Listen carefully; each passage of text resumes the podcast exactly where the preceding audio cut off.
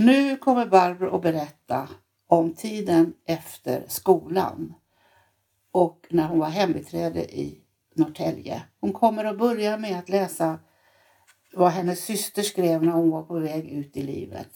Lilla syster Kajsa. Mm. Varsågod Barbro.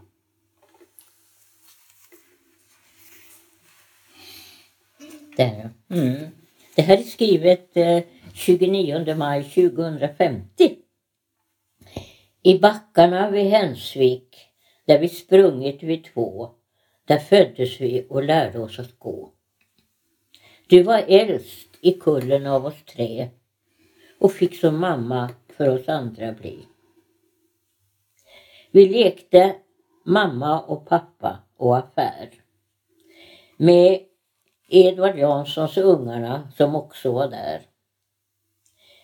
Nu några år har gått och vi tycker att vi är gamla. Men mamma hon säger att vi än i barnskolan får stanna.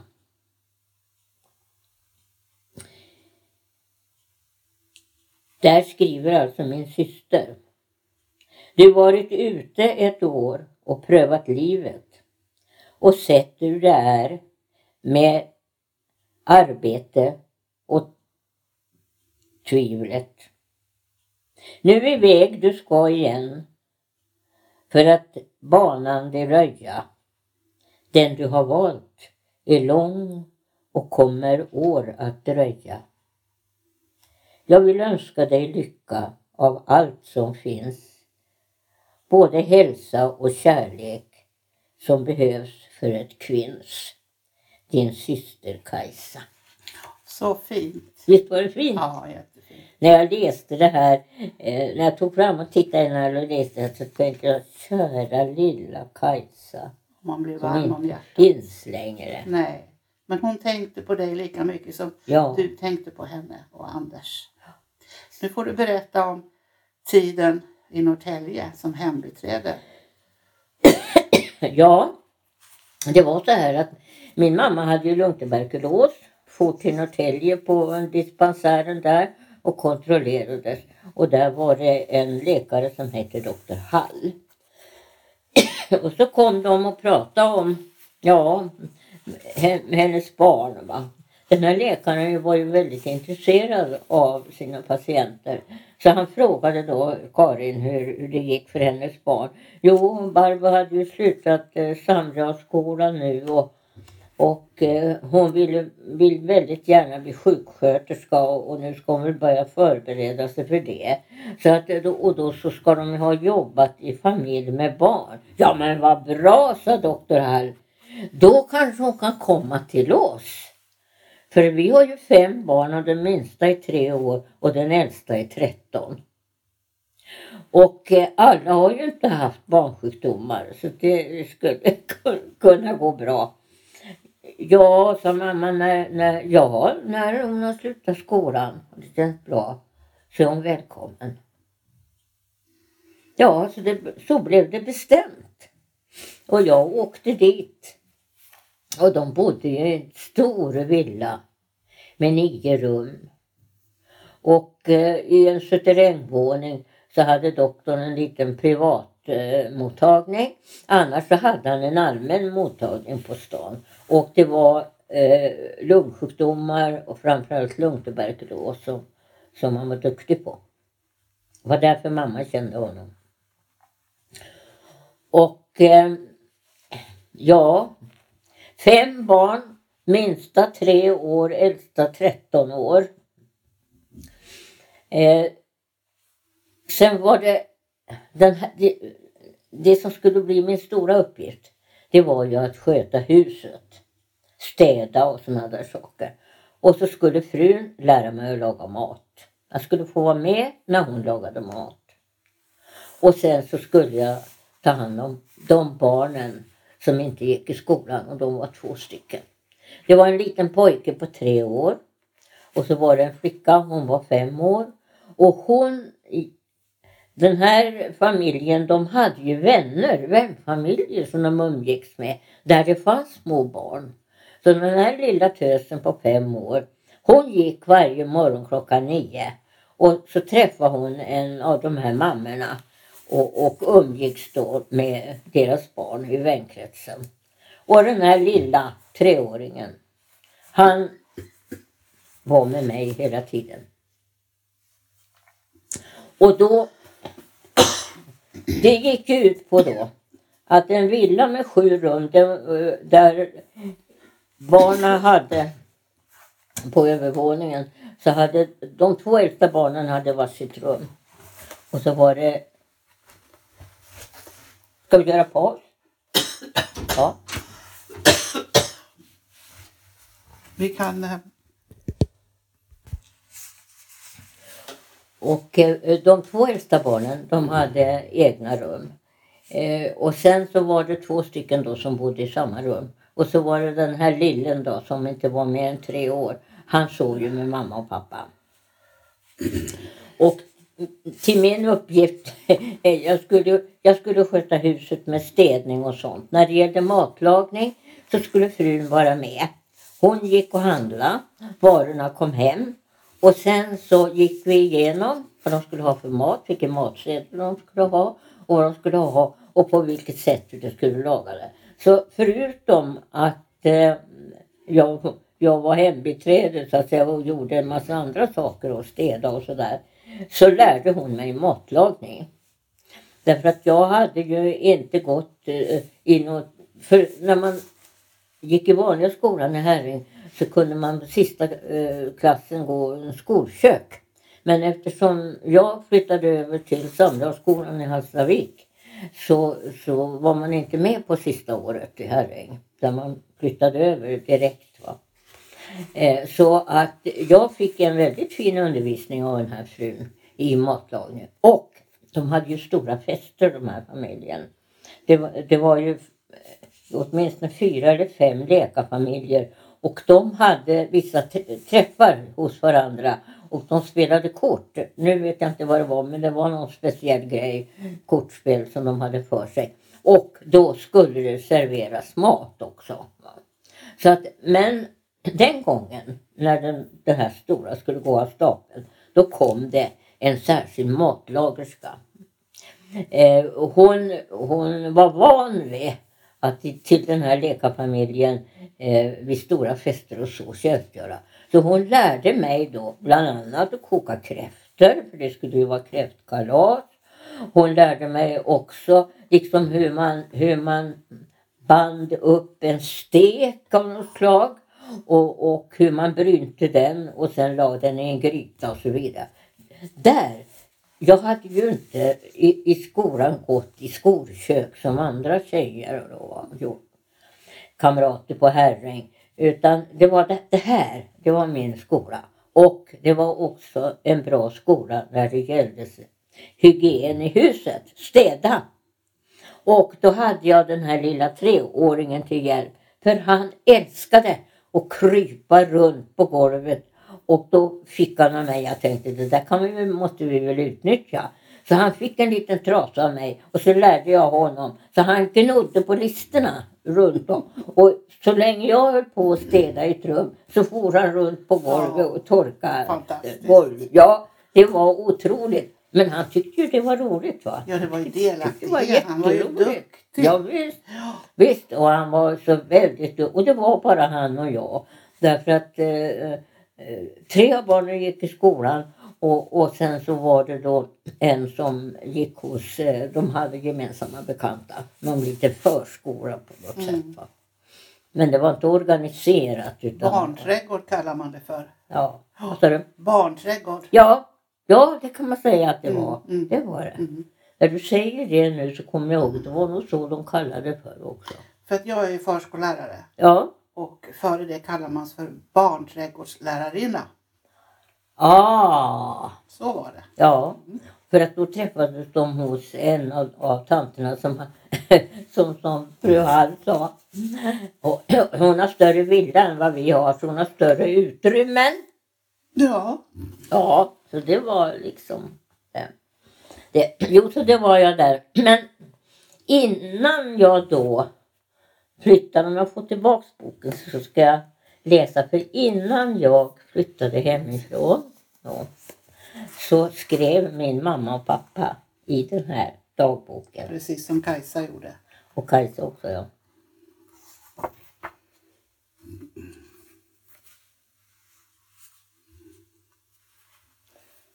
Jag borde ju ha satt lite märken Ja, i det här förstås.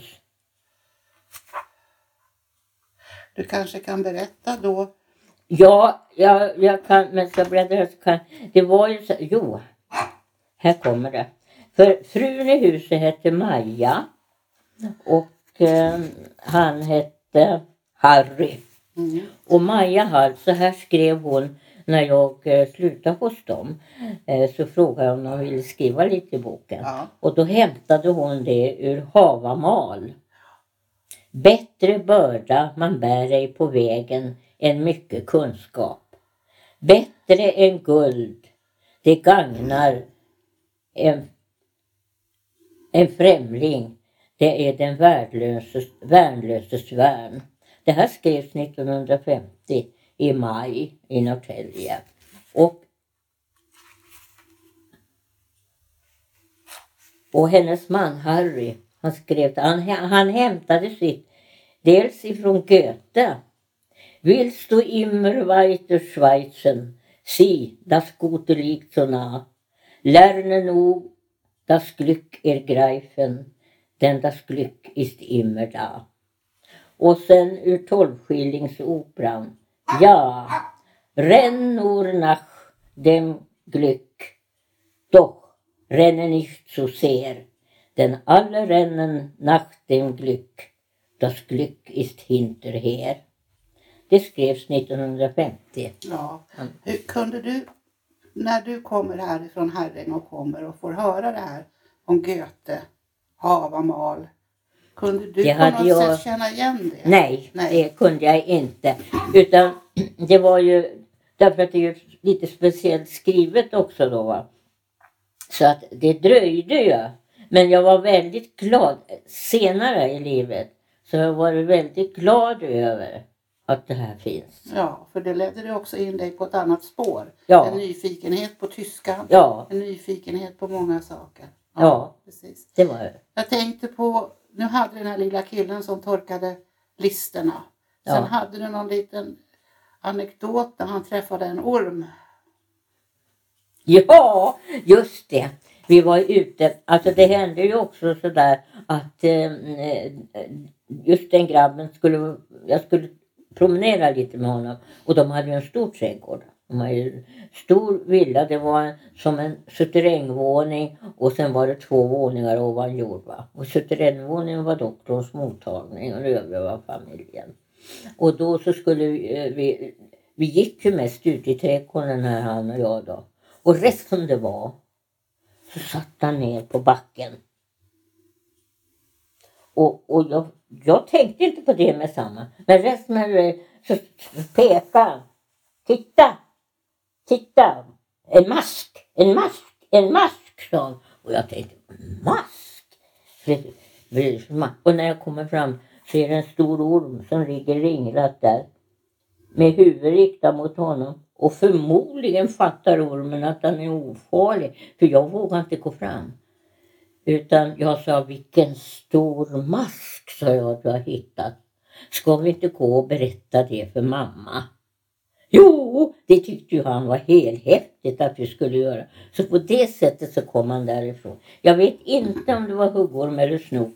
Det kommer jag inte ihåg. Men det var en... Och, ormen dog hela tiden hopringad och, och hade huvudet riktat mot grabben och tittade på honom. Grabben, Anna måste ju ha ansett att grabben var ofarlig. Ja, Va? ja En mask! En mask!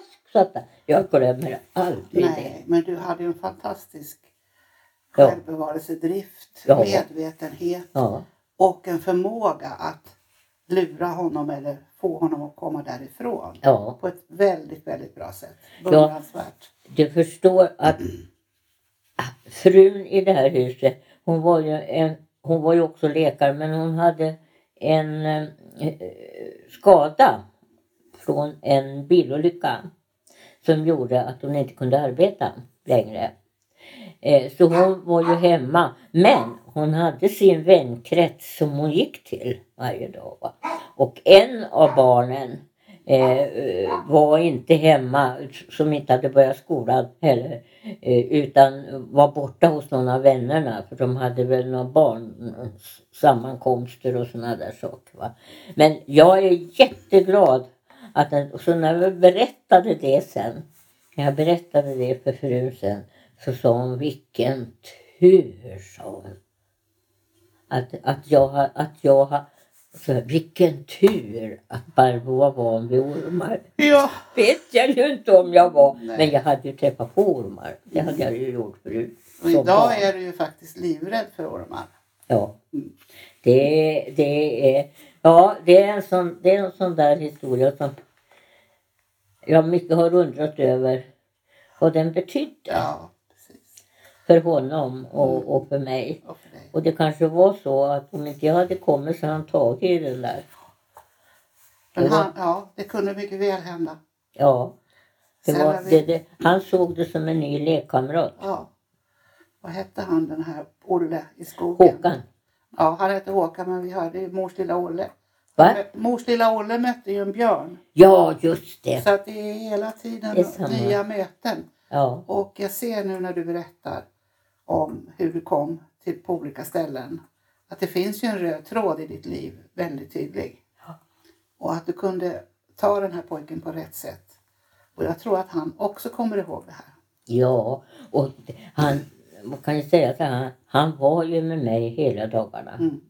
För att eh, eh, frun ingick ju i ett litet damkollektiv, kan man, jag vet inte om man kan säga så idag, kanske det, som träffades eh, varje förmiddag. Va? Och då gjorde hon alla uppköp i affärerna. Och sen så kom affären hem till mig med alla de här varorna och så skulle jag ta hand om dem och lägga undan dem och frys och kyl och allt vad det var för någonting. Va? Och sen när hon kom hem eh, så frågade hon då om jag tagit rätt på varorna och då gjordes det upp en middag. För två, tre dagar hade hon handlat då. Va? Och då skulle de där varorna användas. Jag hade ju inte gått på någon fortsättningsskola i skolan eller något sånt där man pratade om mat och lagade mat. Utan den mat jag hade lärt mig att laga, det var den som mamma hade lärt mig. det. Ja. det här, Och i och för sig, för sig var ju det grunderna Ja, för matlagning kan man absolut. säga. Och då tänker jag på hur det fanns ju ett kök i, villan som du bodde i också som dina föräldrar byggde. Hur såg den här köket ut i den här villan Oj. där läkarparet bodde? Ja. Det måste ju ändå ha varit en väldig skillnad. Mm. Det var ett stort kök och det var en jättestor spis. Det var som en, en, en, en stor del av rummet. Va?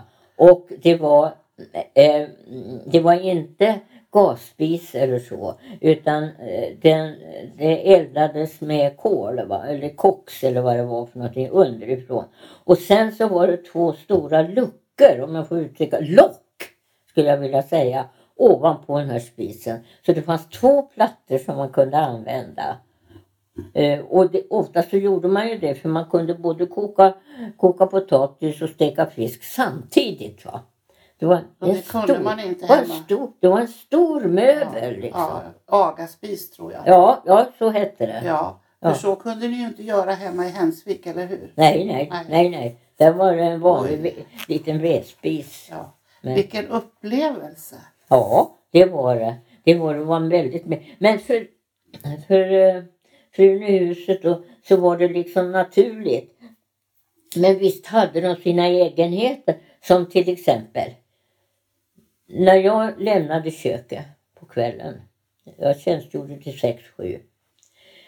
Så skulle jag ställa ett stort dricksglas med filmjölk i kylskåpet. Det fanns ett kylskåp. Ja, det fanns ett kylskåp. Frys och kyl. Och då, därför att när doktorn gick upp klockan sju på morgonen och hade gjort sig i ordning. Så kom han ner i köket, för jag började klockan sju på morgonen. Då kom han ner i köket, öppnade kylskåpet, tog fram det här glaset Och sen så svepte han det på en gång och så sa han tack och adjö och gick till sitt jobb. Så att säga, det var hans frukost skulle man kunna säga då. Ja, jag förstår det. Och så Ja. tänker jag på Men, återkommande i köket fanns det rinnande vatten. alltså det, Fanns det rinnande vatten? ja, det fanns. Diskbänk och... Ja, då. ja. Det fanns, men det fanns inte diskmaskin och sånt. Utan eh, det fick man göra. Och de här människorna de hade ju, de hade ju stor umgängeskrets. Och då hade de ju en läsecirkel. Mm. Alltså de, de läste en bok tillsammans. Och de var tre familjer. Och då träffas de varannan vecka. Eller eh, var tre veckor då i följd och så återkom de och så tre veckor igen. Och då skulle det, skulle det göras i ordning lite mindre rätter och sådär då som frun kunde ta fram. Va? Och då, men då kom det faktiskt. Då hade de en äldre kvinna som förmodligen hade varit hembiträde hos dem förut som kom och hjälpte mig med hur, hur det där skulle arrangeras och hur, vad de skulle ha för smått och gott och, och, och sådana där saker att äta. Och, och så en gång, en gång så eh, lag vi fram och så frun och fick se och alltihopa. Men sen när hon skulle servera det här så saknas det en liten fin smörgås. Mm. Och då har Barbro tagit den smörgåsen? Nej, sa jag, det har jag faktiskt inte gjort. För det ställdes ju in på matsalsbordet det här vet du. Men jag skulle kunna, men det måste väl vara någon av barnen? Nej, barnen gör inte sådana saker. Ja, men så jag, det är i alla fall inte jag. Alltså måste det vara någon annan i huset. Ja, det visade sig att grabben som var 11 år, han hade varit där och norpat. För han, kunde, han räknade väl inte bröna va? Och det gjordes bara ett visst antal. Så det skulle inte bli något över. Precis. Nej, så, så var det med det. Va? Så det, det var naturligt med, med fem barn i huset som, som rörde sig. Det var ju klart att, att de var nyfikna. Ja, det tror jag det. Ja. De lärde sig säkert Ja. jättemycket. Men den här lilla treåringen som var med mig hela dagarna. Det, alltså, jag var ibland orolig för att frun skulle komma och säga att ja, Barbro har inte gjort det här idag. Därför att jag hann ju inte göra Nej, det kan vi förstå. Ja, det var därför som jag lärde honom att torka lister Ja. På, eh, längs golvet. Mm, mm. För att han skulle ha något att göra. Ja. Och en, han var energisk till tusen. Ja. Han filade och filade och filade med sin lilla eh, näsduk som han hade fått där. Ja. Och, och det. Så det behöver inte jag städa. Nej. Sen tänkte jag att du hade ju, ni var ju flera hembiträden och ni fick vara lediga ibland Ja, eh, tillsammans. ja, det var tre familjer som umgicks tillsammans. Det var den här läkarfamiljen och så var det en advokat och så, och så var det en, han var någonting läkare också på sjukhuset. Den här doktorn som jag var hos, han hade ju en, en mottagning, han hade lungsjukdomar som special. Va? Framförallt tbc. Så han hade my- mycket sån, en sån stor mottagning. För tbc var ju mycket vanligt på den här tiden. 1940 och 50-talet. Så, att- så att det var det. Så att eh, när det var riktigt stora fester sådär. Då Jag kom tänkte det. mera på, jag vet att, jag vet, men jag tänkte mera på när du var med dina hembiträdesväninnor. Ja, just Så får det. du berätta. Ibland Ja. fick ni faktiskt vara lite lediga. Ja, ibland. Det var ju så här att man slut, när klockan var 19 då skulle man vara färdig i köket. Då fick man göra som man vill. Och då, då var det ju så att de här umgicks med två andra familjer. Så då var vi tre stycken eh, eh tjejer varav den ena eh, var från Finland. Och hon kunde svenska för hon hade fått lära sig svenska då för att kunna vara här.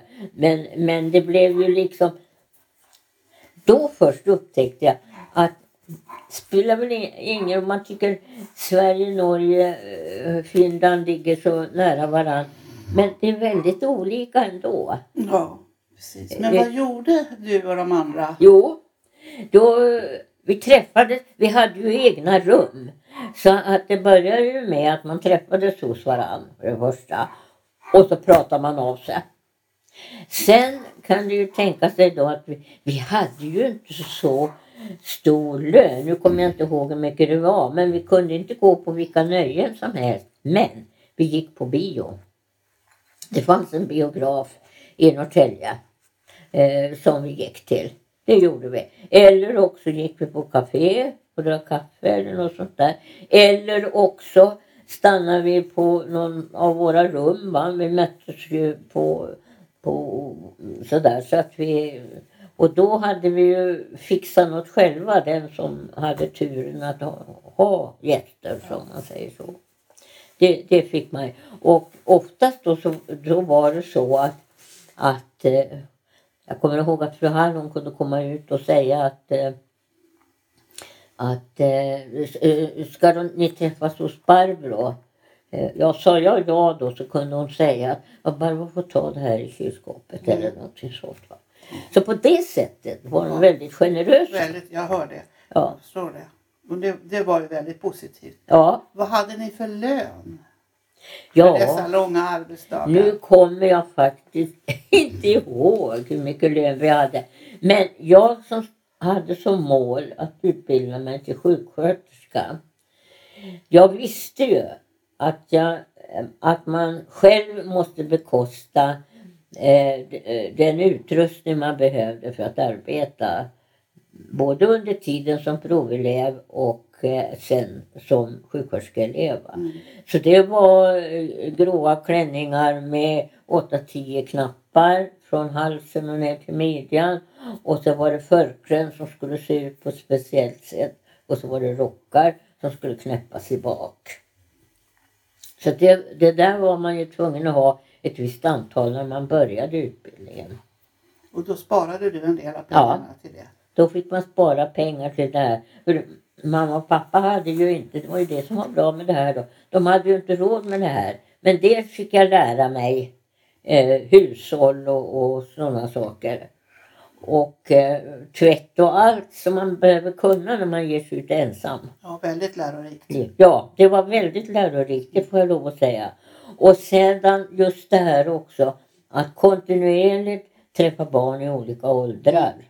Det var också bra. Väldigt värdefullt. Ja. ja, det var väldigt värdefullt. De andra två tjejerna eh, som den, den ena var hembiträde hos en advokat och de hade inga barn. Och sen den andra, det var också hos en läkarfamilj men de hade äldre barn. Mm. Så du hade lite, lite olika arbetssituation? Ja, så att jag får lov att säga att jag hade det bra. Jag från 3 till 12 år. Mm. Fem stycken så att mm. säga. Fantastiskt. Ja, och de skulle ju vara med vid middagen. Ja. Så att det, det fanns en särskild matsal. Och eh, det var tidsbestämt då. Alla uppenbaras i den där matsalen. Och då skulle det vara frambrukat med bröd och smör och vätska och det här som man behövde. Och sen då så skulle man komma in med maten först när de hade satt sig ner. Mm. Det skulle vara varm mat. Vet du. Ja, jag förstår jag lärde mig väldigt mycket. Mm. Och lärde mig framförallt mycket när de hade gäster för då kom ju en riktig kokerska som de använde. Precis. Jag får tacka dig så mycket för det här. Nu väntar vi på nästa avsnitt. Som ska handla ja, om din tid på får, jag, får jag läsa för dig? När jag slutade hos de här ja. så skrev de i min dagbok. Mm. Så skrev Maja Hall då, som var en fru så här, från Havamal. Bättre börda man bär ej på vägen än mycket kunskap. Bättre än guld det gagnar en främling det är den värnlöses värn. Alltså det var väl med tanke på vad jag tänkte då. Och eh, farbror doktorn, han skrev inte på svenska. Så jag var, var glad att jag gått på Sandrandsskolan och läst tyska och engelska.